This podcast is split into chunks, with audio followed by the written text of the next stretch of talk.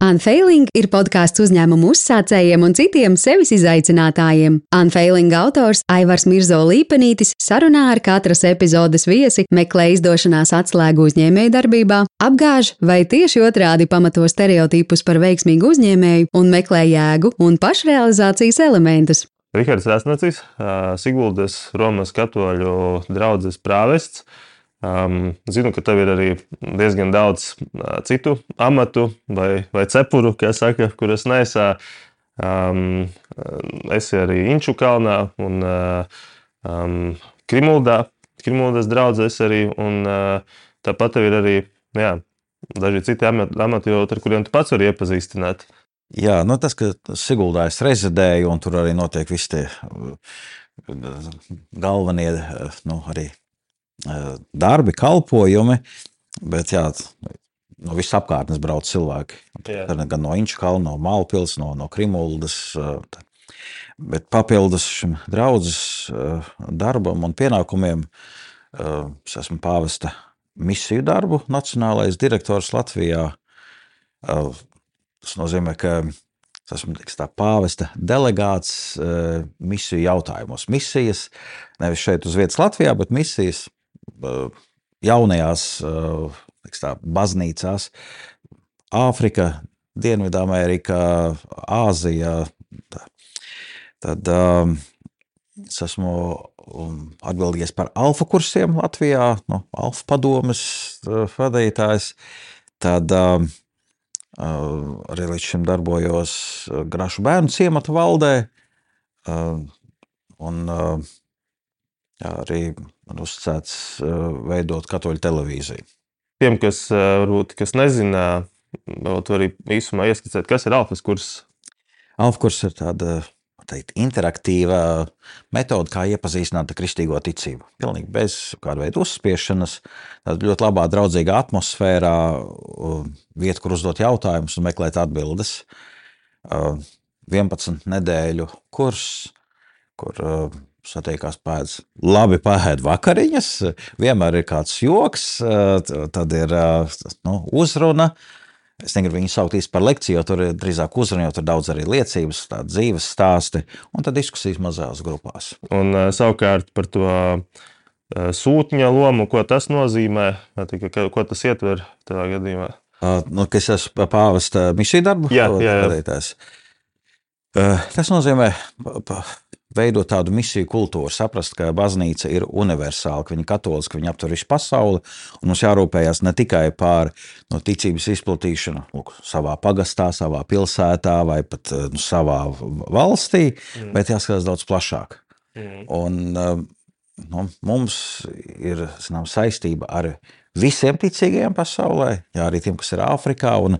Es saprotu, kā mēs varam arī viņiem palīdzēt, mm. jo jāsaka, viņi dzīvo tomēr daudz uh, uh, teksim, sliktākos apstākļos. Uh, mm. Gan materiāli, gan bieži vien arī organizatoriski.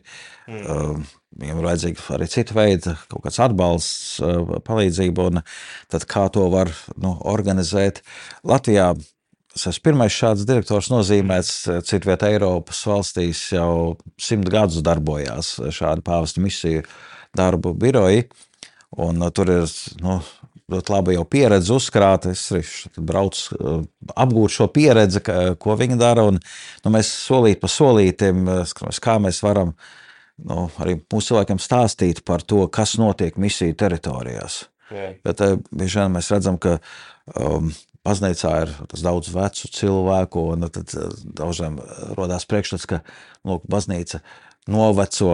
Un, ja paskatās, kas notiek misiju teritorijās, tur ir eh, nu, nevienīgi jauni cilvēki. Tur ir garīgos semināros, nevar visus uzņemt, kas grib mācīties, kļūt par priesteriem. Uh, nu, ir, nu, tiks, tā garīgā dzīve ļoti attīstās. Un, uh, mums jāsaprot, tā, tā, jā, ka nu, baznīca nav tikai Latvijā vai tikai Eiropā, bet ir visā pasaulē. Kā es nesen no tevis uzzināju, tavs stāsts nu, nav tāds. Nav klasisks, ja tu kādu laiku esi darījis arī kaut ko pilnīgi citu. Jā, nu, Atkal citi teiks, gluži otrādi, man, mans ceļš uz priestrību ir ļoti klasisks. Es esmu uzaugusi ticīgā ģimenē, kas tas ir netipiski. Nu, daudz, teiksim, kas ir nākuši no padomu laika ģimenēm, nav piedzīvojuši šo kristīgo audzināšanu mājās. Um, tādā ziņā man ir ļoti klasisks stāsts. Manā abi vecāki ir bijuši ticīgi. Mēs mājās lūdzāmies, katru svētdienu gājām uz baznīcu. Um, bet uh, arī tas, ka mm, mums bija daudz pazīstami uh, priesteri, kā ģimenes draugi, un es to priesterību iepazinu nu, ļoti agri, un es kopš bērnības esmu gribējis kļūt par priesteri. Yeah. Es redzēju, ka viņi ir tādi, kas uh, arī spēj pretoties uh, no tā laika ideoloģijai, un es domāju, es arī tāds gribu būt. Mm. Tad um, vienā brīdī es domāju, ka, es, uh, ka man jautāja, par ko es gribu kļūt. Nu, man bija sārāk, es skolā vai bērngārzā neteicu, par ko es gribu kļūt, bet nu, savējie uh, zināja. Tad es gribēju kļūt par priesteru izgudrotāju. Priestri izgudrotāji. Jā, ja man tur arī bija visādi konstruktori. Man patīkās ar tādām tehniskām lietām darboties. Es gribēju izgudrot robotu, kurš klāja gultu. Var noprast, ka, nepatika. jā, man nepatika gulta klāt. tā, bet tad um, mācījos Rīgas komercskolā. Vēlāk, un, jā, tur iepazinu arī tas, šo biznesu un finansu pasauli. Uh, un jau 18 gadu vecumā nodibināju savu uzņēmumu, nodarbojos ar finansu konsultācijām. Kas liekas dīvaini, ka lūk, tāds 18-gadīgs puika var kaut kādas konsultācijas finansu jomā sniegt. Jā. Jā, bet tas bija laiks, kad nu, par to, kas ir biznesa plāns, praktiski neviens nezināja. Jā. Bija tieši privatizācijas laiks, vajadzēja rakstīt privatizācijas projektus. Kādam vajadzēja jau, jau varēja dabūt kredītus bankā, vajadzēja biznesa plānus. Un, jā, tas tas, ko es darīju. Paralēli studijām, mm. sākumā komercskolā, pēc tam banka augstskolā. Jā, jā. Tad gribēju, vienmēr zināju, ka gribu kļūt par tad, tad, garīdznieku izgudrotāju. Un aizgājis banka augstskolu.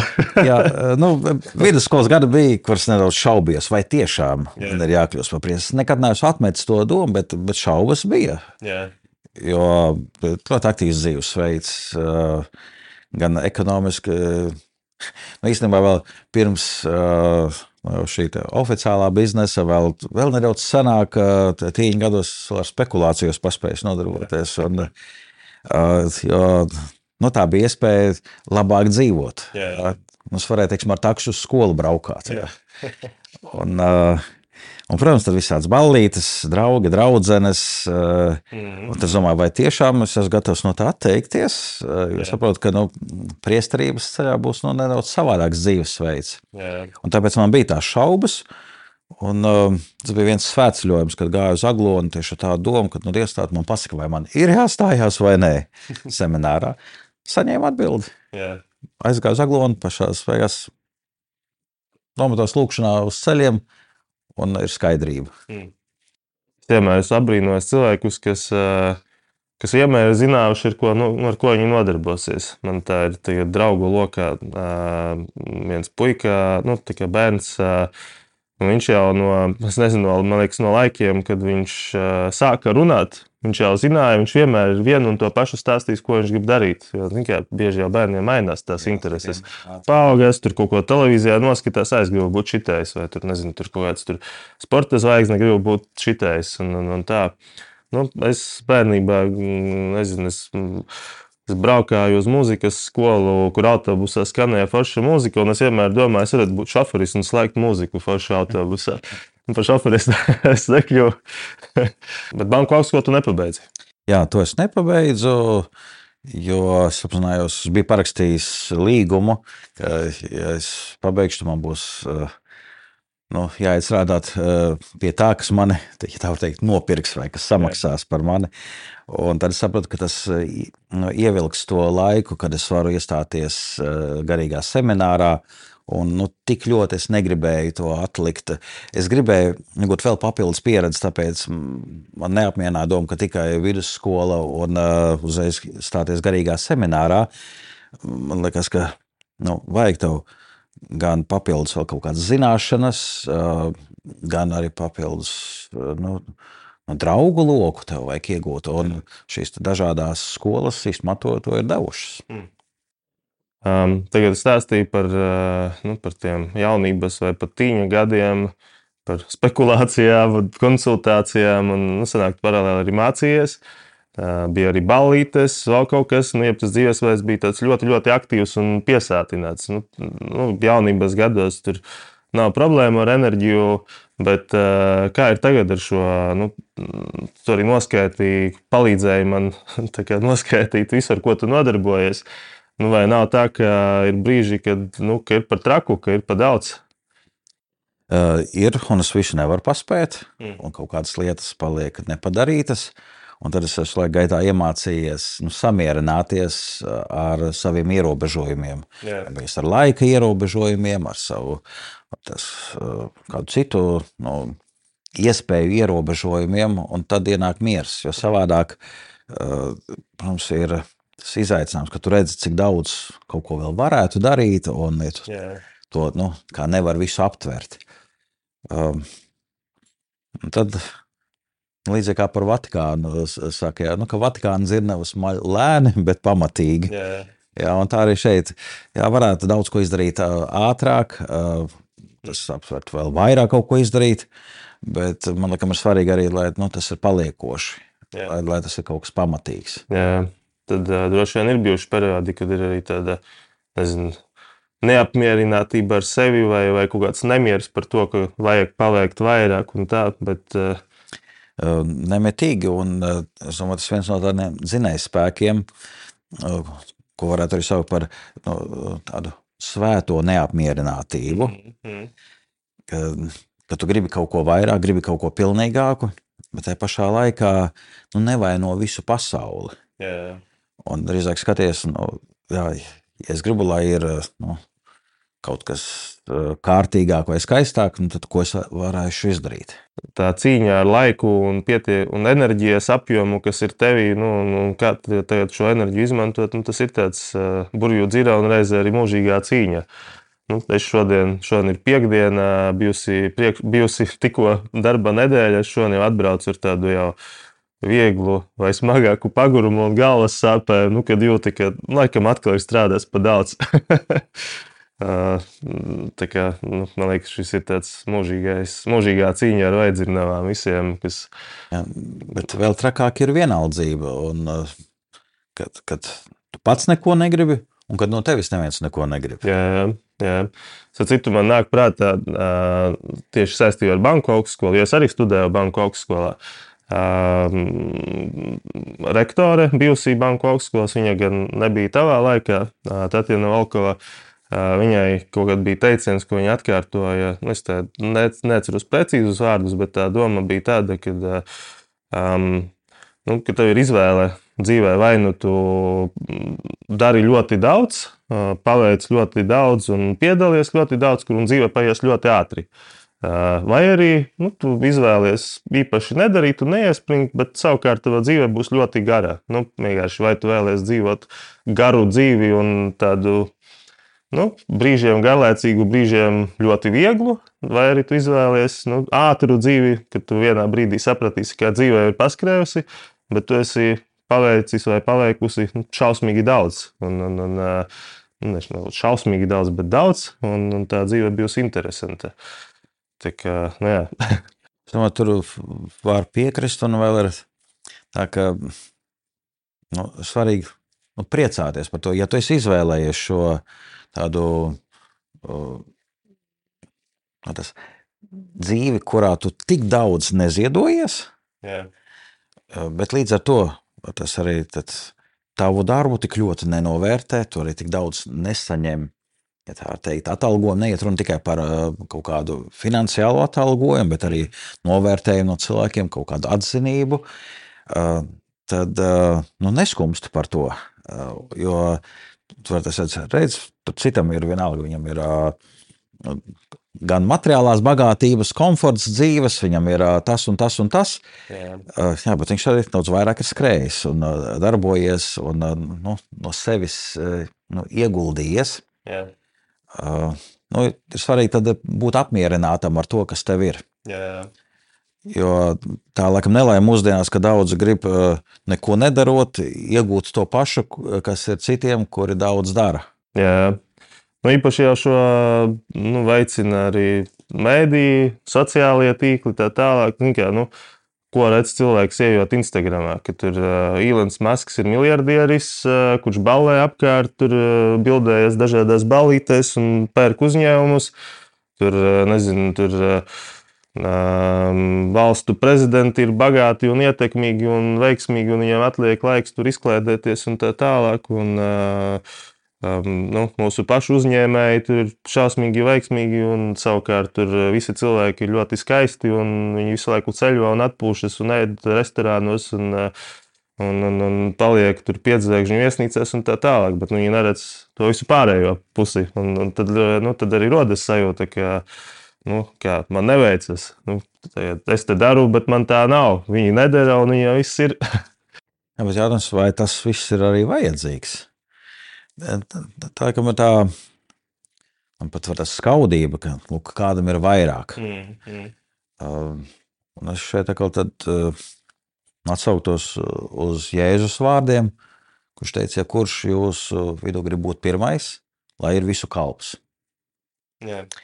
Un tas to parāda, jā, ja tu gribi, nu, to, lai tevi pamana, jā, lai, lai tev ir uh, kaut kas vairāk, tad esi gatavs visiem kalpot pat īstenībā, ja vēl tur ņemtu vēl precīzāk to tulkojumu, varētu pat iztulkot, ka esi visu vergs. Yeah.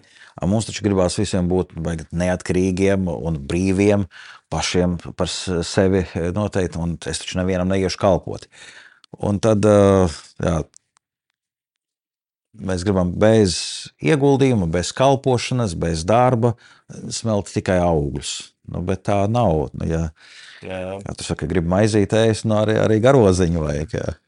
Nu, jā, un, un, nu, un ja vēl par tiem mēdījiem, tā, nu, nu, nav jau tā, ka tie manis nosauktie, nu, ka viņiem būtu tikai tā puse, ka viņi tur ballē, pērk uzņēmumus, vada valstis un tā tālāk. Nu, pirmkārt, jau ir smags darbs, un otrkārt, nu, viņi līdz tam ir nonākuši. Viņi arī gan jau daudz garoziņu ir apēduši un turpinājis. Jā, jā, jo mēs jau redzam tikai to nu, rezultātu. Jā. Tas,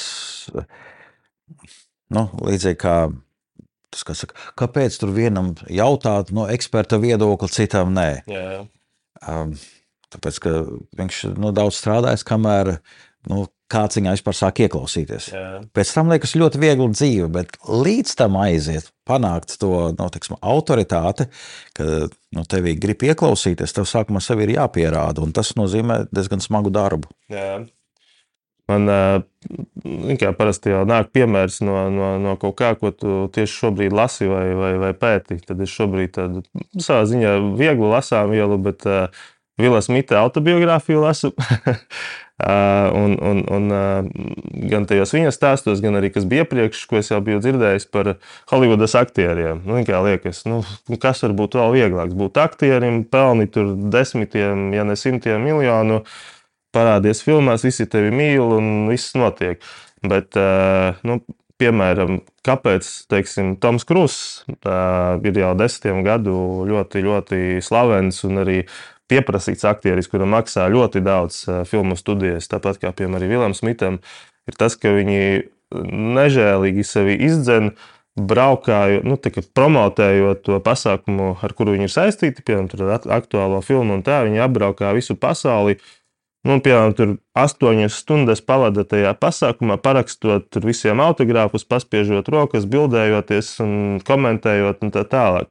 It kā liekas, nu, baigās sapņu darbs, nu, kā tur runājies, te visi apbrīno un tā, bet, nu, ja tas tev ir jādara katru dienu, piemēram, pusgadu vai gadu, nu, tad daudzi aktieri, piemēram, izvēlas to nedarīt. Nu, tad tas atšķirt tur, kā, nu, tur kino zvaigzni no aktiera, nu, no cilvēka, kas piedalījās filmā. Un, nu, arī tāds vienkāršs piemērs, bet nu, to var asociēt uz jebkuru nodarbošanos. Kā, arī droši vien arī tavā, tavā pamat nodarbošanā, esot garīdzniekam, nu, tu vari būt tur.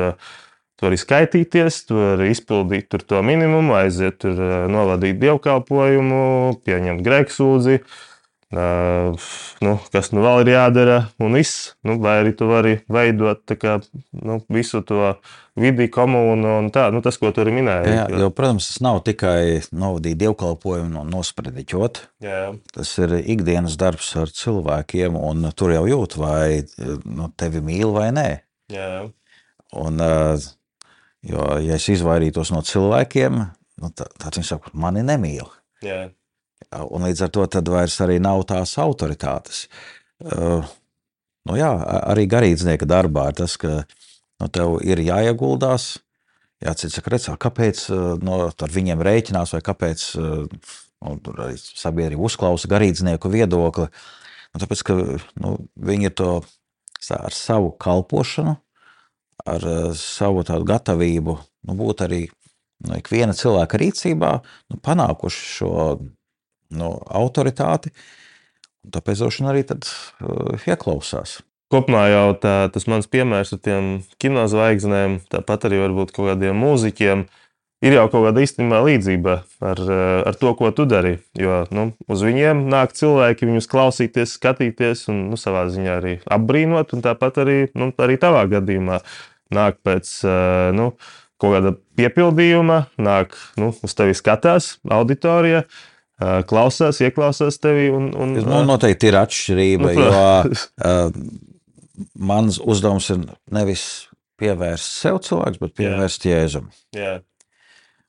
Un uh, īpaši katoļu baznīcā, kur nav tik liels uzsvars uz sprediķi, līdz ar Jā. to nav tik liels uzsvars uz nu, priestara nu, personību. Jā. Bet tā ir liturģija, kas tiek svinēta. Protams, ir atkarīgs no nu, kādu nu, rūpību tu vadi liturģiju un nu, cik tu ieliec arī tajā savu sirdi. Līdz ar to, nu, vai cilvēki grib nu, arī pievienoties tavai lūkšanai, bet jā, mans uzdevums ir nu, cilvēku vest pie Dieva, nevis vienkārši pulcināt ap sevi. Jā. Un, tā ir savādāk par šiem kādiem uh, slavenībām, jā, jā. kuriem tas ir arī kaut kāds nu, naudas jautājums, jo tur būs vairāk nezinu, sekotāju vai vairāk ies uz tavām filmām vai koncertiem, tad līdz ar to tev ir lielāks ienākums. Tad nu, šis nav mans motīvs. Jā. Jā.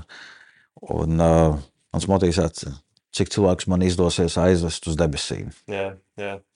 Um, tas man īstenībā bija nākamais jautājums, ko tu daļai jau laikam atbildēji. Uh, nu, kā tu ieskicēji, tur tiem slavenībām, tur varbūt viņa veiksmēs kaut kādas izdošanās rādītājs, nu, kā kaut kāds tur um, ir. Uh, cik viņš nopelna, cik viņam, cik viņam samaksā par kādu projektu, vai cik viņam sekotāju, kā tu minēji, kaut kādos sastīklos un tā. Uh, Tad tavā gadījumā tāds, nu, ka tu arī, nu, droši vien tā nenotiek, bet ka tu arī sev uzsist uz pleca un teikt, nu, es esmu tagad veiksmīgs priesteris, jo es tur izdarīju to un to. Vai ir kaut kādi tādi rādītāji, pēc kā tu novērtē priekš sevis, cik tev izdodas? Jā, ir dažotas tādi, nu, aprēķināmi rādītāji, mm. kuri nevienmēr tas, nu, to reālo situāciju parāda. Piemēram, nu, cik daudz tu esi salauzājis vai kristījis. Tas nevienmēr to rāda, ja, jo uh, nu, ir garīdznieki, kas tas, nu, tam pieiet uh, kaut kā. Nu, tikai no ārējā faktora, un tad sanāk, tas skaits ir liels. Un, no, tas ir daudz, kas saka, o, forši, viņš tur mūs laulāja, vai viņš tur kristīja mūsu vai mūsu bērnus. Uh, Bet uh, es domāju, daudz lielāks rādītājs ir jau rindas pie grēku sūdzēm. Yeah. Vai cilvēki vēlās uh, nu, iet pie tevis un izlīgt ar Dievu? Mm. Uh, vai cilvēki nāk uz individuālām pārunām, lai saņemtu garīgo vadību, jo viņi redzēja, ka tādā veidā viņi var tuvoties Dievam. Tad uh, var vēl skatīties, vai nu, tajā draudzē, kurā tu kalpo, vai kopienā, kur tu kalpo. Nu, kāds tur ir progress, vai tur cilvēki uzņemās kaut kādu atbildību, vai tur cilvēki sāka kādus kalpojumus, un arī paši darbojās sabiedrības labā. Jā. Un tā tev ir prieks, viņš ko, jā, tas ir mans valsts, viņš tā, tas vienalga ir kļuvis par labu ārstu vai par labu vienalga, fotografu vai par labu uh, skolotāju. Tu redz, ka tu esi palīdzējis nu, ielikt nu, tādus labus pamatus tam cilvēkam. Un beigās var skatīties, jā, vai no, no taviem garīgajiem bērniem kāds ir iestājies seminārā vai kāds ir iestājies klosterī. Un tad nu, te arī ir kaut kā tāda nu, kā rādītāji. Um, bet jā, nu, viņi nav tik tiksim, viegli izmērāmi, kā, kā tas būtu ar um, nopelnīto naudu vai sekotājiem sociālos tīklos. Tas ir mazliet netvaramāk kā ir ar kaut kādu arī. Tomēr arī ar finansiālo pusi, nu, vai ir kaut kāds arī rādītājs, kā var novērtēt, nu, tur nezinu, piemēram, ka tava, tava draudzene tur ir gatava vairāk vai mazāk noziedot, vai, vai, vai, tur, vai piesaist arī turīgos cilvēkus, vai ir neinteresanta viņiem. Un, nu, nu, šādi kaut kādi arī tie finansiālie. Ja tas ir ļoti atšķirīgi. No, draudz no draudzes atšķirās. Mm ir jāskatās, kādas vispār ir uh, no tās iespējas tajā teritorijā. Jā. Jā, jo nu, mēs zinām, ka kapitāls ir vairāk koncentrējies. Uh, nav tur Rīgā, labi, ir jūrmālā tas bagātie cilvēki vēl, mhm. bet nu, droši vien, kāds priestars kalpo nelielā ciematā, tur nu, viņš var būt arī ļoti labs, bet mm. tāpēc ar no kaut kādu ziedojumu daudzumu to noteikti nevar izmērīt, jo tur tas nemaz nav iespējams. Jā.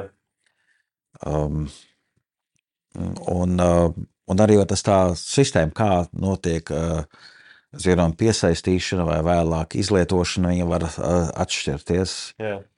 Es, es zinu gadījumus arī, kad priesteris arī pats kļūst par tādu nu, fundraizotā, nu, jeb tādu, nu, tā kā aicina cilvēkus arī ārpus baznīcas uh, maksimāli tur arī lokālajos mēdījos kaut ko stāstīt par kaut kādām iecerēm, kas nevienmēr ir tieši ar baznīcu saistītas. Uh, Un, un, un nu, šādas lietas darīt, vai nu, kā uz to vispār skatās baznīca kā organizācija, nu, vai, vai tas ir kaut kas tāds vēlams, vai tas ir, nu, tur dari, ko gribi. Ja vēlies. es, baznīcas misija jau ir ļoti plaša. Mm. Tas nav tikai vadīt dievkalpojumu. Mm. Tas no padomu laikiem ir tas stereotips, ka nu, baznīcai jābūt tikai ieslēgtās četrās sienās. Mm. Tad bieži vien šodien to var saka, nelieniet ārā no saviem mūriem. Yeah. Um, bet ne, baznīcas misija ir nu, padarīt labāku visu pasauli. Mm. Līdz ar to nu, mēģināt nu, uzlabot visu sabiedrību. Un, uh, jā, un izrādīt rūpes ne tikai par draugu locekļiem, bet arī nu, kalpot sabiedrībai. Uh, un to bieži vien arī pamana un novērtē. Un tāpēc mm. ziedo arī tādi, kas nav draudzes locekļi, kas uh, nav paši ticīgi, bet viņi redz to nu, pievienoto vērtību, Jā. ka viņi rūpējas par kultūra vēsturiskā mantojuma saglabāšanu. Jā. Jo nu, nu kādam tos senos diev, dievnamus, tātad seno arhitektūru ir jāsaglabā. Kādam par to ir jārūpējas. Vienalga par mūzikas instrumentiem, par tām pašām ērģelēm baznīcā, kādam ir jārūpējas. Jā. Re, kur jā, ir nu, kāds, kas ir gatavs uzņemties par to rūpi. Jā. Es, es, es. Jo īstenībā daudz vienkāršāk tādai mazai draudzēji, tas kādā lauku ciematā, kur kādreiz bija daudz cilvēku, līdz ar to bija liela uh, baznīca. Jā. Tagad būtu vienkāršāk uzbūvēt nelielu mazu baznīciņu uh, un tur pulcēties uz tiem dievkalpojumiem, Jā. nekā uzturēt uh, lielo baznīcu. Jā. Un īstenībā tas ir upuris, ko viņi dara. Nu, viņi turpina nu, apsaimniekot šo lielo celtni, kas mm. viņiem pašiem īstenībā vairs nav nu, nu, atbilstoša, nav, nav samērīga. Jā. Un e, neviens bizness to nedarītu. Biznesa skatās, ja mums tā telpa ir e, pa lielu, mums vairs tik liels birojs nav vajadzīgs. E, mēs to pārdodam, nopērkam citu mazāku vai, vai īrējam mazākas Jā. telpas. Un viss baznīca nu, turpina rūpēties par, mm. par šīm vērtībām arī tad, ja tas nav nu, aktuāli nepieciešams viņam. Un tad es domāju, tas būtu tikai pareizi, ka to pamana, novērtē un līdz ar to atbalsta. Mm. Vai tie ir kaut kādi privātie ziedotāji, vai tās ir pašvaldības, vai kādi uzņēmumi. Bet vai nav tā, ka tā saika, kas arī tiek uzturēta, tas citreiz arī nu, tāds reprezentatīvs simbols. Nu, zin, kā, kā mēs pirms tam runājām ar tevi aizkadrā, ka tu esi Riņķu kalnā. Savukārt, es kādu laiku dzīvoju netālu. Es nu, nevaru atsaukt atmiņā, ka Riņķu kalnā būtu nu, vieta, kur, tas, kur, kur, kur cilvēki sanāk um, uz uh, dievkalpojumiem un tā. Savukārt, uh, nu, piemēram, man nāk prātā uzreiz uh, manā lauku pusē, ne, ne gan tieši no maniem laukiem, bet uh, Sarkaņu baznīca. Nu, vietiņa ir ļoti maza. Nu, es domāju, ciemats ļoti mazs. Savukārt, baznīca ir ļoti ievērojama. Uz viņu brauc arī turisti. Um, Svētceļnieki. Jā, jā, jā un tur arī, tur arī uh, kā, um, priesterim arī patīk sagaidīt, arī vienkārši turistus, nu, pastāstīt vēsturisko izcelšanos, un tā visi tur bildē un bildējas, un viss kaut kur liek, un līdz ar to arī tā vieta. Nu, tā, pati par sevi liekas lielāka nekā īstenībā šis ciemats ir. Un arī līdz, līdz ar to liekas, nu, ka tā draudzē ir nu, tā pamanīta un ievērota. Vai, vai tavuprāt, nav tā, ka nu, daļai tomēr tas ir tāds reprezentatīvos nolūkos, tās tukšās, varbūt citreiz ēkas vai pustukšās tiek uzturētas? Nē, nu skaidrs, jo tā ir mūsu vēsture. Bet tas ir ne tikai baznīcā, arī citās jomās. Mēs nu, rūpējamies par kaut kādiem kultūras vēstures pieminekļiem. Mm. Uh, un neskatām to tikai no tādas nu, utilitārās izmantošanas iespējām. Um, mums ir ļoti daudz, vienalga. Tie ir pieminekļi, tie ir kādas citas. Uh, mums vecrīgā daudz tādas mājas, kuras nu, tas pat nav rentabli īsti apsaimniekot, un jā, tas ir tādiem reprezentācijas uh, mērķiem. Mm -hmm. Runājot par nu, kaut kādu statusa ap, apliecinājumu nu, par tām ēkām, tikko es ieskicēju, um, ir kaut kāds tāds no izseniem laikiem, man nāk prātā stāsti no grāmatām, filmām, arī pat ikdienišķām situācijām, ka citreiz ir uh, runa par kādu cilvēku, par viņa novērtēšanu, atkarībā arī no tā, nu, kādās organizācijās, arī klubos, kaut kādos interešu klubos, nu, īpaši jau rietumos, tur eh, kādos viņi tur vīriešu klubos ir un tā tālāk. Bet arī tajā pašā laikā arī, viņš iet uz baznīcu. Nu, kā, nu, kā ir pieņemts kaut kādām cilvēku grupām, vai vismaz agrāk bija pieņemts, nu, ka viņam ir svētdienā jābūt baznīcā. Nu, un, ja viņu redzēs svētdienā baznīcā, nu, tad viņš ir labs cilvēks. Zin, kā, tur politiķis, piemēram, tur Um, man liekas, pat joprojām, uh, teiksim, jau uz Aglonu aizlido premjerministrs un prezidents. Nu, tad visiem liekas, ka nu, šis ir labs premjerministrs un prezidents, un arī pasākums ir lielāks. Es domāju, tas uh, Aglonas piemērs tas nav gluži šis gadījums, jo uh, tas neliecina par nu, tā attiecīgā politiķa personīgo, garīgo dzīvi vai morālo dzīvi, mm. bet tas vairāk ir tāds valstisks, nu, tā mums, ka tur, kur sapulcēs daudz cilvēku, Jā. Tur nu, īstenībā pat prezidentam vai premjeram ir pienākums būt klāt. Jā. Viņam ir pienākums būt kopā ar tautu. Jā. Uh, lūk, ja tie ir dziesmu svētki, viņš arī ir klāt. Mm. Uh, un, ja ir aglonā, kur tas, tas ir lielākā reliģiskā nu, sapulce, kas ir Latvijā, tur arī viņš ir klāt.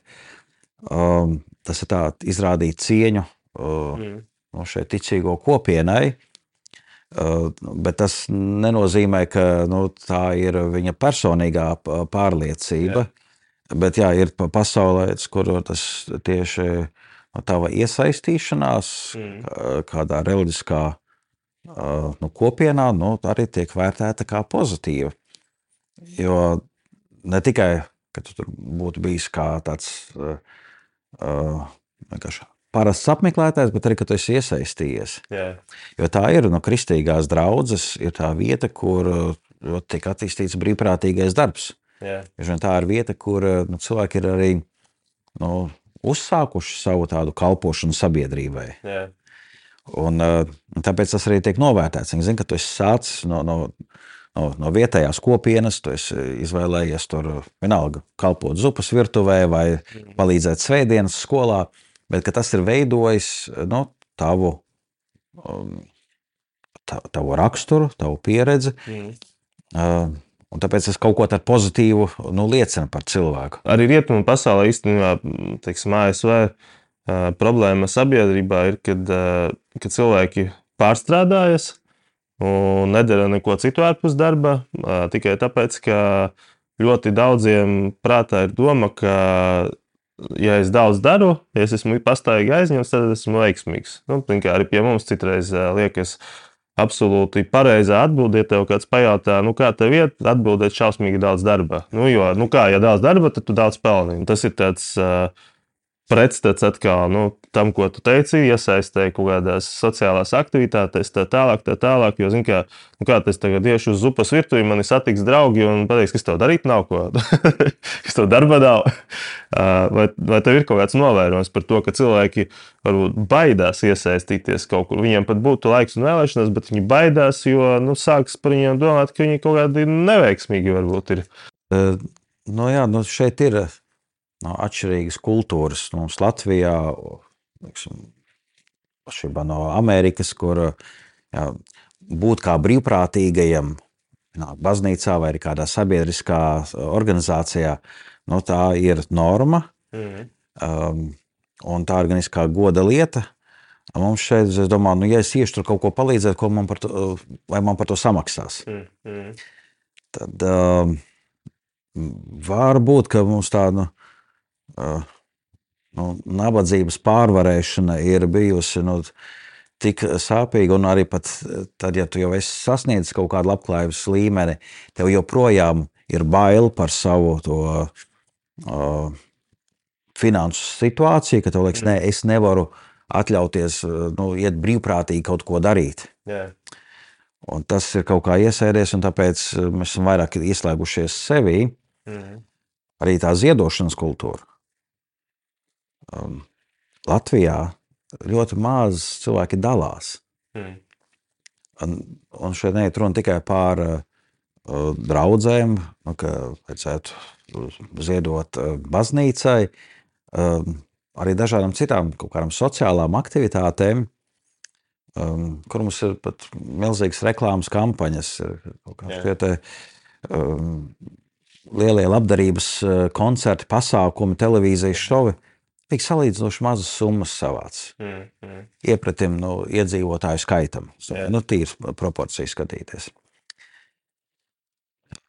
Un nu, mums kaut kā jātīsta šī dalīšanās kultūra. Yeah. Um, Bet tu domā, tas ir tāpēc, ka, nu, ka nav ierasts un negrib dalīties, vai tomēr tāpēc, ka ir mazāk ar ko dalīties? Nu, ja tas kaut kurā vienā brīdī bija mazāk ar ko dalīties, un tāpēc ir pieraduši, nu, nu, ka katrs pats par sevi. Jā, ar tādu domu, ka katrs savas laimes kalējas. Nu, un, ja tev vajag, nu pats vainīgs, ka tev vajag. Jā. Vai tas nav tāda nu, solidaritāte izveidojusies? Jā. Um, nu, man liekas, ir kaut kādi tādi pozitīvi nu, impulsi, un ir arī labas lietas, kas notiek, bet mums noteikti vēl šo jomu vajag attīstīt. Jā, jā. To nu, spēju dalīties. Kā ar tevi novērojumu draudzē, vai ir kaut kādas cilvēku grupas, kas, nu, kas nāk vairāk uz dievkalpojumiem, un ir tādi, kurus tu gandrīz nekad neredzi. Es nedomāju konkrēti individuālus cilvēkus, bet nu, kaut kādi tipi, īpašību kopumi vai nodarbošanās veidi. Nu, nezinu, mans minējums atkal tur uzņēmējiem nav laika iet uz baznīcu. Nu, tāds, īpaši jaunajiem, nu, kuri ir tur, kā, tur viņi cīnās ar miegu, cīnās ar visu, ar finansēm, ar nekad nesatiek draugus un tā tālāk. Nu, savukārt, tur, tur lielā uzņēmuma, tur jau vadītājs, nu, viņam atkal ir laiks atnākt. Nu, ir ļoti dažādi. Nāk arī uzņēmēji, arī jauni uzņēmēji, nāk mm. arī nu, tiksim, augstākā līmeņa vadītāji, mm. uh, bet ir arī augstākā līmeņa vadītāji, kas nenāk. Yeah. Nu, no, no savas pieredzes var teikt, ka es nevarētu izlīgt kaut kādu vienu konkrētu uh, mērķu grupu, kas īpaši daudz nāk, yeah. no citā kaut kur nemaz nenāk. Um, mēs redzam, ka jā, gan Latvijā kopumā, un arī vēl citās postpadomju valstīs, sieviešu īpatsvars lielāks baznīcā. Mm, mm. Es, Es biju Londonā un lasīju grāmatu galdā, paņēmu vienu grāmatu. Mm. Uh, saucās, uh, kāpēc vīriešiem nepatīk iet uz baznīcu. Yeah. Un, uh, domāju, un tas viņa nopirka, domāju, vajadzēs patolkot latviski. Atbrauc Latviju, izrādās viņa var iztulkot latviski. o, bet interesanti tur palasīt, jā, nu, kāda ir iemesls, kāpēc nu, vīrieši nejūtās labi. Un, protams, tas ir atkarīgs no konkrētās arī draudzes. Mm. Nu, vienalga, vai ja to, par to noformējumu rūpējās sieviete, viņa uztais tā kā nu, sievietē. Tas, yeah. Nu, es nezinu, ir kaut kāda sedziņa ar bārkstiņām, vai, vai vēl kaut kas, nu, ir kaut kas mm. tāds izskaistināts, kur vīrietim tas būtu patīkamāk redzēt kaut ko tādu lakonisku un, un tā par vēl daudzām lietām. Tā kā, nu, to var novērot, ka tā Latvija ir iegājies. Yeah. Un ir, vienai draudzē to ir grūti arī nu, vienai pašai pārvarēt, jo ir kaut kāds izveidojis stereotips sabiedrībā. Un mums vēl ir tas, ka padomu laika mantojums, kur uh, skatījām, nu, ka uh, uz baznīcu iet tikai vājie, a vīrietim jābūt stipram, mm. tāpēc vīrietim tur nav ko darīt. Mm, mm. Nu, tas tāds primitivizēts uh, nu, priekšstats, bet daudz tam ir pakļaujušies. Yeah, yeah. Un pat tas nedomājot uh, pie tā, bet nu, tas ir kaut kā nu, iegājies uh, uh, pats par sevi. Yeah. Mm -hmm. Un kaut kur zemapziņā ir nosēdies, un tas uh, vīriešu domāšanu kaut kur ietekmē. Yeah.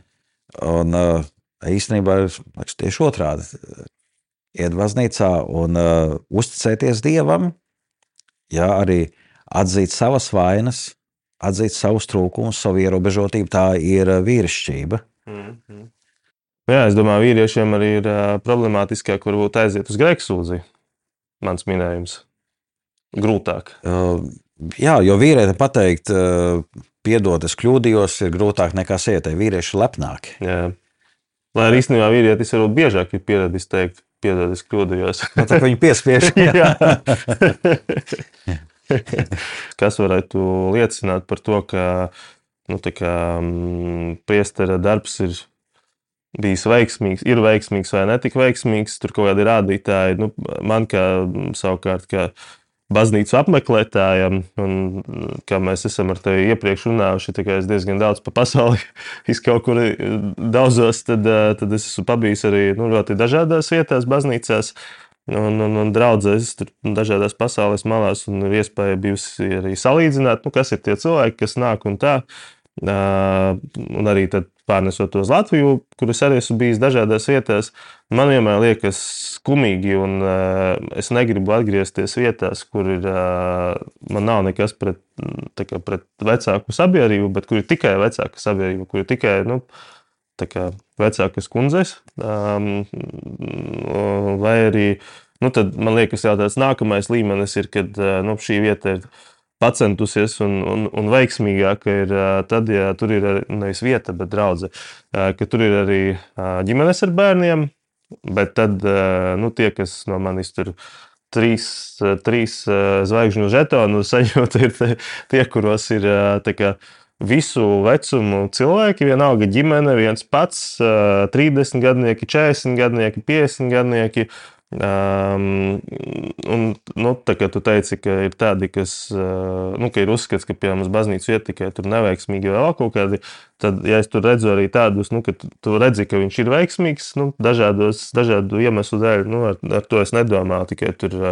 Ka pie baznīcas stāvētu jaunas, lielas mašīnas, bet arī ar to, ka tas cilvēks nav sakumpis, bet viņš ir, nu, ka no viņa staro enerģija un prieks. Uh, Un, un tā, un, protams, tās ir vietas, uz kurām gribas atgriezties. Nu, tad, attiecīgi, tur ir likumsakarīgi, ka arī visi, kas tajā draudzē kalpo, un arī, arī priesteris, ka viņi visi arī ir tieši tādi, pilni ar enerģiju. Um, nu, es nezinu, vai tu galīgi oponē šim manam. Manam veiksmēs tādam Jā. filtram priekš. Es domāju, ka draudzes zināmā mērā ir sabiedrības spogulis. Jā. Un nu, bieži vien tas tā ir nu, tā draudzene tajā vietā, nu, kur tu aizēji uz nezinu, uz kultūras namu kādu pasākumu, un tur Jā. tu redzēsi tieši to pašu auditoriju. Jā, Aizej vēl kaut kur, tur būs tieši tas pats. Uh, un, uh, jā, nu, draudzē vajadzētu būt tai vietai, kas uh, to nu, nu, ceļ uz augšu un kas uh, ievieš pā- pārmaiņas. Bet nu, tie, tie cilvēki, kas, kas tur dzīvo, kas tur nāk. mm, mm. Un uh, priesteris, jā, viņš tiek atsūtīts, parasti tas ir no, no citurienes. Jo Ļoti reti, kad sūta uz to draugu, no kuras tu pats esi nācis. jā, Uh, un tad kā, nu, ir iespēja, ka nu, ar kaut kādu jaunu entuziasmu aizdedzināt cilvēkus. Uh, nu, kad izdodas, kad neizdodas. jā. Um, bet jā, nu, es teiktu, šeit pat tas, viens no rādītājiem būtu, uh, vai tur ir tīņi. Mm, mm. Uh, es arī biju uzaicināts vienā draudzē sprediķot, uh, kur uh, tiešām bija dažādas šīs vecuma mērķa auditorijas. Bet tur bija raksturvieta, man liekas, par to, ka nu, ja saku, man jāiet arī vēl nu, uz citiem ciemiemiem, pie Jā. citiem vēl sludināt. Un ka es nevaru palikt. Un es saku, nu, jā, nu, ja mums šeit, ja es teiktu, ka man, ja, es teiktu, ka man jāiet vēl pie citiem, pie kā viņš iet, kur, kurus viņš šeit neredz. Jā, jā. Sākumā viņam likās, ka, ka šeit viss ir. Saku, bet nē, tomēr, kura vecuma kategorija šeit iztrūkst? Tie bija tīņi, Mm. pusauģi. jā. Es saku, kāpēc? Tāpēc, ka pusauģi ir visjūtīgākie uz liekulību. jā. Un, protams, arī uh, viņš vienreiz ir piedzīvojis kaut kādu liekulīgu attieksmi, Mm. un viņš vairs tur neiet. jā. Pat ja tā bija tikai viena, vienreizēja kaut kāda kļūda, bet viņš to atcerās ilgi. Mm. Mm. Un, uh, jo pieaugušie viņi ir daudz pieklājīgāki. Un pat ja tur redz, ka nu, ne tā kaut ko runā, bet viņi paliks tik un tā līdz beigām, un aiz pieklājības noklausīsies. Un, nu, neko neteiks. Tāds pusaudzis tīns viņš reiz pasaka, ko tu te muldi. Jā. Un, uh, un tā, un tāpēc, jā, man liekas, viens no tādas veselīgas draudzes rādītājiem ir uh, pusauģu klātbūtne baznīcā. Tu, tu iepriekš minēji, ka, tā, ka katoļiem nav tik būtiski tā, tas, nu, tas sprediķis. Nu, nav, nav tik būtisks šī sadaļa, nu, tikai tas Es sprediķis. pat gribu teikt, ka mūsdienās tas vairs vispār nav tik eh, būtiski. Ne tikai katoļu baznīcā, arī citās baznīcās, arī ar citu konfesiju garīdzniekiem eh, bieži tiekos, mēs pārunājam tādus jautājumus. Jo, ja tu gribi dzirdēt, vai labo sprediķi, tev ir pilns internets. Jā, Um, un droši vien, ka es ar savu sprediķošanu nepārspļaušu nu, pasaules labākos runātājus. mm. Un tik un tā kāds varēs pateikt, nu, nē, nu nav tik labi kā tam tur Amerikā, vai kā tam tur, es nezinu, vai Berlīnē, vai, vai Parīzē, vai vēl kādam citam izcilam, vai Romā kādam izcilam uh, sprediķotājam. Un uh, tāpēc man nav jāmēģina vai nu pārspēt viņu ar kaut kādām tik oriģinālām uh, atziņām un tēzēm, vai ar tik emocionālu tādu runāšanu, lai nu neviens vairs te tik, tik sp- spilgti nespētu runāt. Bet uh, es esmu draugs gans, jā, un uh, mans pirmais uzdevums ir mīlēt manu draugu. Nu, līdzīgi kā ģimenē, tēvs. Uh, viņš iespējams nebūs vai visvairāk pelnošais, vai viskaistākais, vai uh, visgudrākais, vai vislabākais šoferis. Vai, nu, vienmēr ka- š- kā- kādrā no šīm jomām cits būs spēcīgāks un uh, pi- pilnīgāks. Uh, bet tas jau nenozīmē, ka tad, uh, bērni atteiktos no sava tēva, vai sieva atteiktos no vīra, tāpēc ka redz, citi ir kaut kādi labāki, jā, bet citi tevi nemīl. jā, Bet šis ir tas, kurš tevi mīl, kurš par tevi rūpējas un gādā. Un tāpēc, domāju, jā, nu, šī draudzes uh, nu, misija vairāk ir uh, veidot kopienu, Mhm. paliedēt cilvēkus, uh, veidot viņus par vienu tādu lielu ģimeni, jā, kas viens otru pazīst, viens otru atbalsta. Un šīs te intelektuālās zināšanas, jā, arī sprediķis. Tev vajag no atnāca svētdien pēc dievkalpojuma mājās, no ieslēdz YouTube, un uh, jau var tas es atradis sev tīkamākos uh, kādus prediķotājus un noklausies, Mm, mm, vai izlasi kādu grāmatu. jā. Um, tā, man liekas, jā, tas laiks, kad uh, gāja tikai sprediķa, sprediķa dēļ, nu, ir pagājis.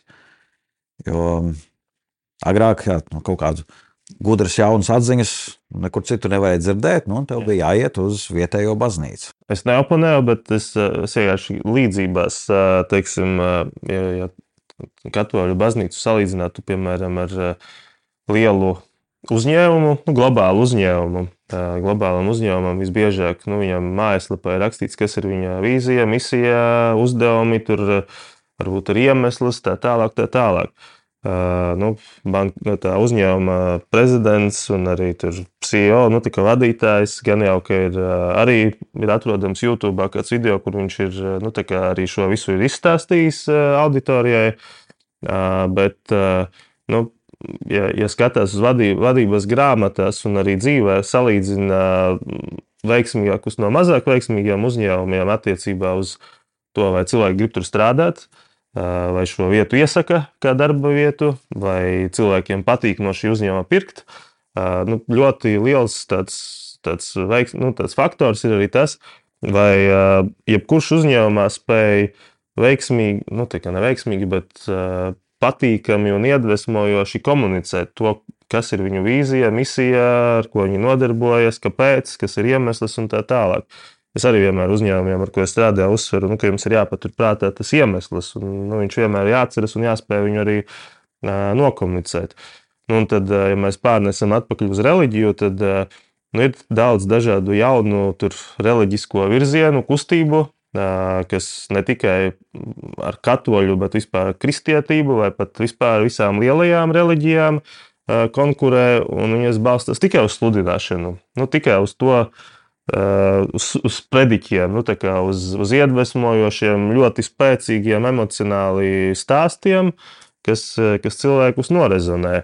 Un, eh, nu, līdzīgi arī uzņēmējdarbībā, ja, ja kāds uzņēmums kļūst slinkāks uz to komunicēšanu, nu, ne slinkāks, bet nu, liekas, nu, kāpēc viņš jau tāpat zina, tad atrodas kādi, kas izlaicēji, kas uztaisa uzrāvienu tieši tāpēc, ka viņi tikai stāsta. Nu, atkal šausmīgi slavens eh, tas pats uzņēmējs Ilons Masks.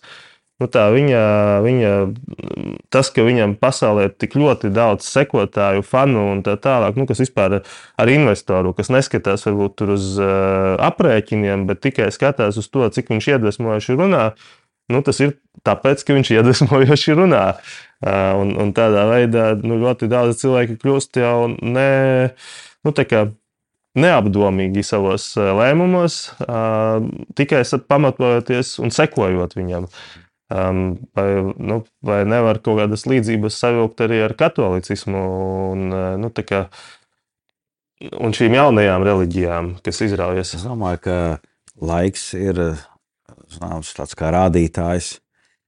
Un, nu, paskatīsimies, kas būs ar šīm jaunajām uh, reliģiskām kustībām pēc tūkstošiem gadiem. Nu, jā. Protams, tā kā katoļu baznīcā jau ir 2000 gadu pieredze, tad mēs varam tādā veidā runāt. Praktiski nav neviens cits, kurš var tādā veidā pateikt, nu, paskatīsimies, kas būs. Nu, ir uzņēmumi, kas tur darbojas 100, 200 gadus, ja, bet uh, mēs varam runāt jau par tūkstošu gadiem. Ja. Un, uh, jau sākumā minēja, ka uh, Vatikāna dziedos maļ lēni, bet pamatīgi. Jā, jā. Un, uh, ir daudz cilvēku aizrāvušies ar kaut ko vienu. Mm. Redzam, ka tas pēc brīža kaut kur aiziet. Pat uh, runā par veselīgu uzturu. Mm. Uh, pirms 20 gadiem tu teici, nē, tur nedrīkst ēst tik daudz to un to. Tagad tu saki, nē, to varēs, bet, bet citu kaut ko nevarēs. Jā, Mums ir pagaidām, tā tad. Toreiz visi, kas to klausījās, un ar, to centās baigi dzīvot un sevi uzturēt pie domas, ka es baigi veselīgi ēdu. Izrādās, nekas tāds īpašs vai tik labs nav bijis, bet tu esi tam nu, veltīgi nu, iztērējis kaut kādu enerģiju, vai tas arī savus līdzekļus. jā. Uh, tam tas ir nu, jāpārbauda tās jaunās lietas, un Mhm. šajā ziņā, ja katoļu baznīca ir uh, uh, tāda, es varētu teikt, inerce, viņai ir liela inerce, jā.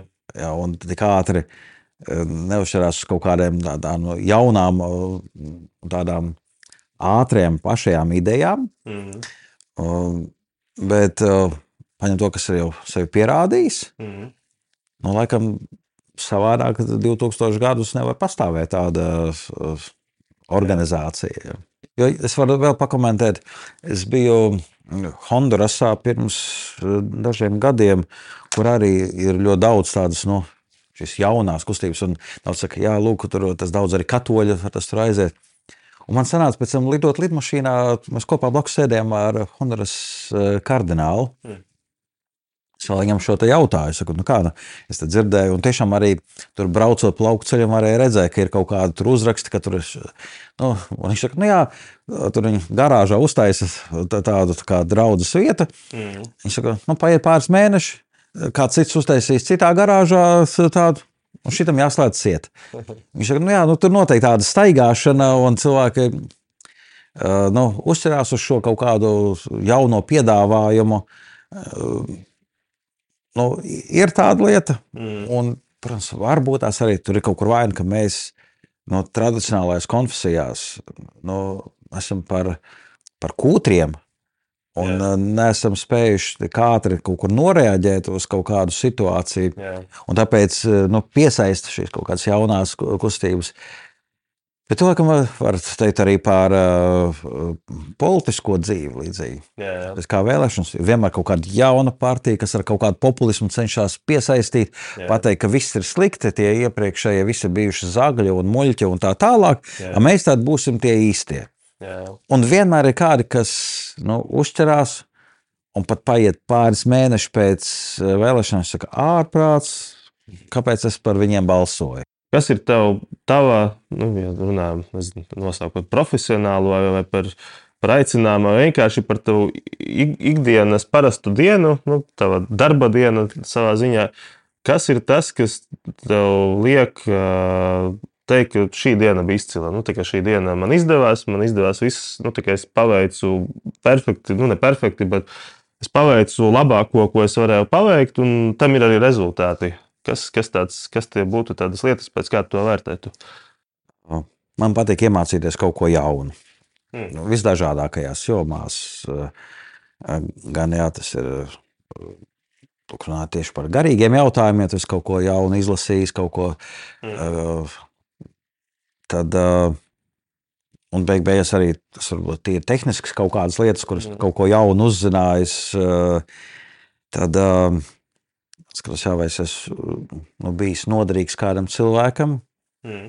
Uh, un tas var būt tā, ka pat cilvēks to apzinās, ka, ka kur, jā, man priesteris ir palīdzējis. Jā. Vienalga ar grēku sūdzi, ar uh, kādu labu padomu vai lūkšanu. Um, un, uh, bet man nav vajadzīgs to, ka cilvēks vienmēr to nu, pats redz, pamana. Uh, man personīgi atzinība nu, nav Jā. nepieciešama. Man, man, bet man vajag šo te iekšā pārliecību, ka, ka jā, mans darbs nav bijis velts un ka tas nu, ir nesis labumu. Jā. Un tad ir tā, ja es strādāju pēc labākās sirdsapziņas, tad zinu, ah, jā, ka tas ir bijis tā vērts. Mm. Mm.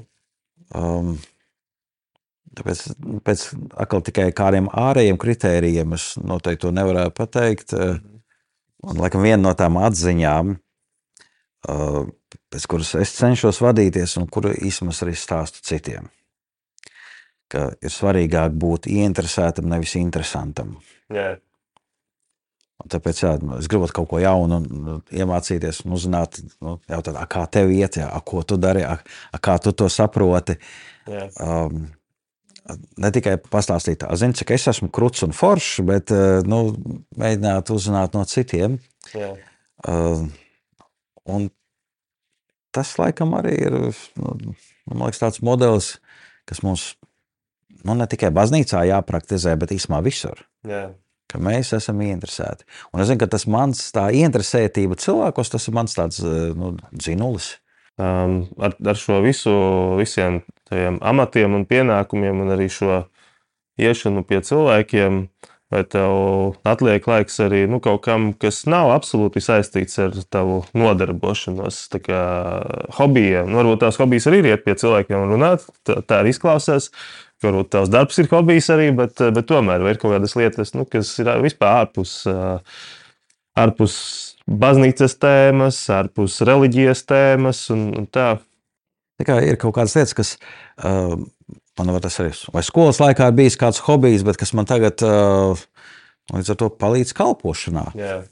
Uh, Nu, piemēram, es savulaik nu, daudz ar sportu uh, nodarbojos. Mm. Es arī ar orientēšanās sportu nodarbojos, sporta skolā gāju. Un, uh, nu, piemēram, tādu mēs taisām uh, nakts krustaceļu, kas būs arī ar orientēšanās elementiem. Jā, jā tāds kā jā, rogainings un vispārējais. Nu, jā.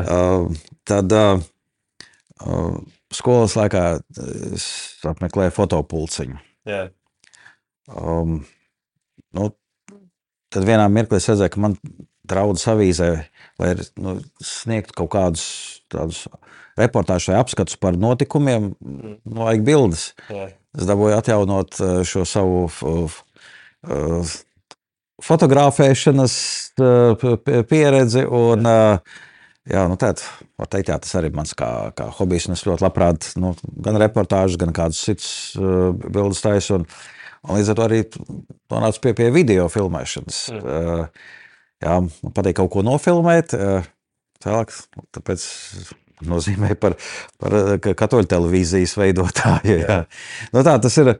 Kur kā to dara savam priekam, bet vienlaicīgi saprotu, ka tas kalpo arī nu, plašākam. Kad, jā, jā. Uh, Nu jā, kalnu slēpošana vēl pagaidām. Man nav nekur aizgājis līdz, līdz kalpošanai. Jā. Bet tur nu, šeit, tad, ja viena izdevība ir, tad arī labprāt paslēpoja. Jā, jā. Nu, kopumā jau cilvēkiem ārpus darbā nu, trīs, nu, teikt, trīs veidu vai trīs eh, pielietojumu hobiji vai nodarbošanās. Viens ir hobiji bez pielietojuma praktiski, nu, hobijs tikai tas ir kalnu slēpošana. Un ir forši, kad ir tāda lieta, ko, ko dara, nu, kuram nav nekāda iemesla. Tā kā īsti nu, tas nepalīdz tev. Nu, tā tiešā veidā tas nepalīdz tam, ko tu dari. Otrs ir nu, tas, ko tur dara ļoti daudz īpaši rietumos cilvēki. Tas ir, piemēram, spēlēju golfu, jo nu, tur priekšnieks spēlē, partneris spēlē, un mums ir jāsatiekas, un viņam jāredz tikai. Nu, pat tas status arī, un, un, un arī nu, jā, ārpus darba socializēšanās ar to pašu cilvēku kopumu. Uh, Un trešais ir tas, ko īstenībā arvien vairāk es novēroju arī draugu paziņu, īpaši tādu aizņemtāku cilvēku lokā, vai arī atkal tādu, kas ir varbūt iestrēguši kaut kur darbā, nu, ko viņi varbūt pat negribētu darīt. Un tas ir tas, nu, viņi ķer adrenalīnu visbiežāk. Adrenalīnu un atzinību. Nu, tā kā sacensības, uz jebkādām sacensībām piedal gatavoties, piedalīties. Vai arī jā, tur tādi ekstrēmie sporti, nu, kur tur, ja kaut ko ne tā izdarīs, tad nu, tur tā, tā, paldies, ka tu biji. Īsmēr šai ziņā esmu daudz novērojis, ka nu, tik daudz tie nu, kas ziemas peldes dara, un tad viņi jā, nu, sevi bildē un, un visiem stāst rāda, ka nu, viņa, es padomāju, citām aktivitātēm nav tik daudz tās pašas reklāmas kā, kā šīm ziemas peldēm. Jā. Nu, savā veidā kustība, zin, kā parādīt, ka es arī un arī jā, apliecināties, protams. À, vēl viens no hobijiem, nu, tā ir kafija. Nu, tā, gan kafijas gatavošana, ne, ne, ne tikai pati dzeršana, bet arī kafijas gatavošana. Jā, okay. uh, kas ir tavuprāt labākais veids, kā kafiju pagatavot?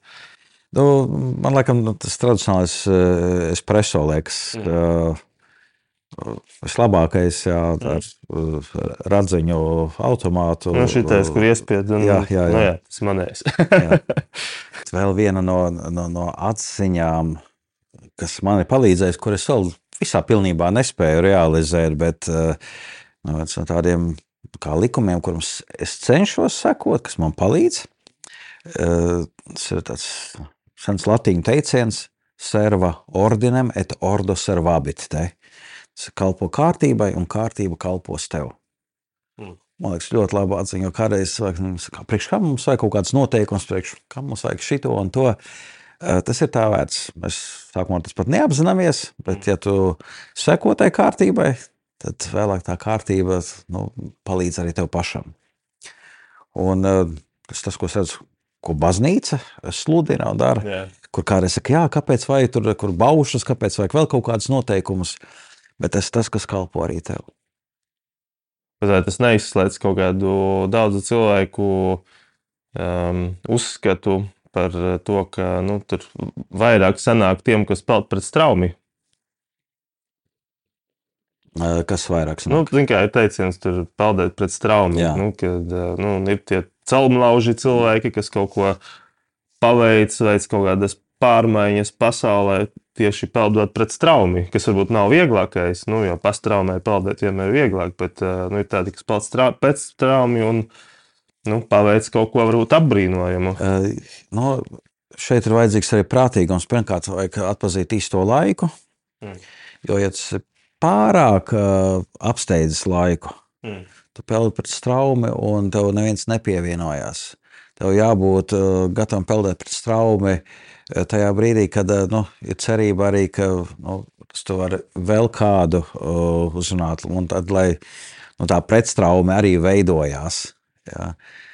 Un, tā kā, nu, lai nepaliktu arī tādam nu, vienpatnim, Mm. no tādam dīvainītim. Um, tas ir nu, jāmāk arī nogaidīt īstais brīdis. Jā, jā. Nu, lai nav vientuļa, bezjēdzīga peldēšana pret straumi. Jā. E, Jā, bet eh, tas, ka uzdrīkstēties uh, nu, pastāvēt par savu kaut kādu ideju, pat ja tā nav populāra, nu, man pašam arī baznīcas iekšienē ir ļoti daudz tādas lietas, kuras sanāk, jā, nu, nu, aizstāvēt kaut kādu ideju, kur var tas nu, tajā brīdī nav tāda mainstream vai, vai noteicošā. Jā. Uh, paiet gadi, un tad cilvēks redz, jā, nu, ka nu, es nezinu, tas pats Alfa, kurš tas bija pirmais, kurš viņu aizsāka Katoļu baznīcā Latvijā pirms 15 vairāk uh, gadiem. Jā. Jā. Un, protams, man gribējās, ka lai tas, tā, es redzēju to kā kaut ko labu un pozitīvu, Mm. um, lai tas ir arī citās draudzēs. Es saprotu, ka es nevaru steigties. Uh, un tad pamazām, pamazām tā, es redzēju, ka tas ir nu, kaut kāds modelis, jeb metode, uz kuru atsaucās. Un, ja vajag kaut ko citu salīdzināt, un tad saka, nu, tas ir tāpat kā alfā, vai nav tā kā alfā, Mm. bet tas jau ir nu, iemantojis tādu nu, zināmu savu vietu. Jā. Uh, Un jā, lai gan tas, tas nebija vienkārši jau man nu, pārmetā, bet tā taču nav katoļu metode. Tas, tas nenāk no katoļu baznīcas un tā tālāk. Savā ziņā arī dusciņi papildēja pret straumi. Jā. Straumi pamainīja virzienu. Vieni pirmie, kas sākām uh, tiešraides dievkalpojumiem arī katoļu baznīcā. Un, uh, protams, tas nozīmē gan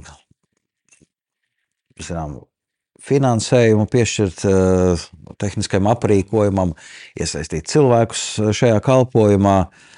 Un, uh, sākumā jau bija ļoti maz uh, skatītāju. Un, es saku, apriekš kam to darīt? Nu, ja ir tik maz, kam to vajag. Bet kaut kā man bija šī ideja, ka, ne, ka tas ir vajadzīgs. Jā. Un tā atnāca Saka, pandēmija un Jā, viss un uh, pēc gada sākās pandēmija. Jā. un Mēs bijām pilnībā gatavi tam. Jā. Jā. Un tad es saku, ej, bet tas bija pravietiski. Jā. Pat ja sākumā it kā. uh, Mhm. Un, un arī cilvēku saka, ah, bet mēs negribam, ka mūsu filmē vai vēl kaut kas nebija kaut kādi iebildumi. Un pēc tam, kad pandēmijā viņi var redzēt, ka forši mēs redzam savu baznīcu, sa- savus draugus locekļus, tad atkal tieši to novērtē. Jā. Jā. Un tā, kā jā, tā ir uzdrīkstēšanās darīt kaut ko tādu, kas tas ir kaut kas jauns, un līdz ar to ir piesardzība no, no citiem cilvēkiem. Paldies tev par sarunu. Paldies! Jau. Šī bija podkāstu Unfailing epizode.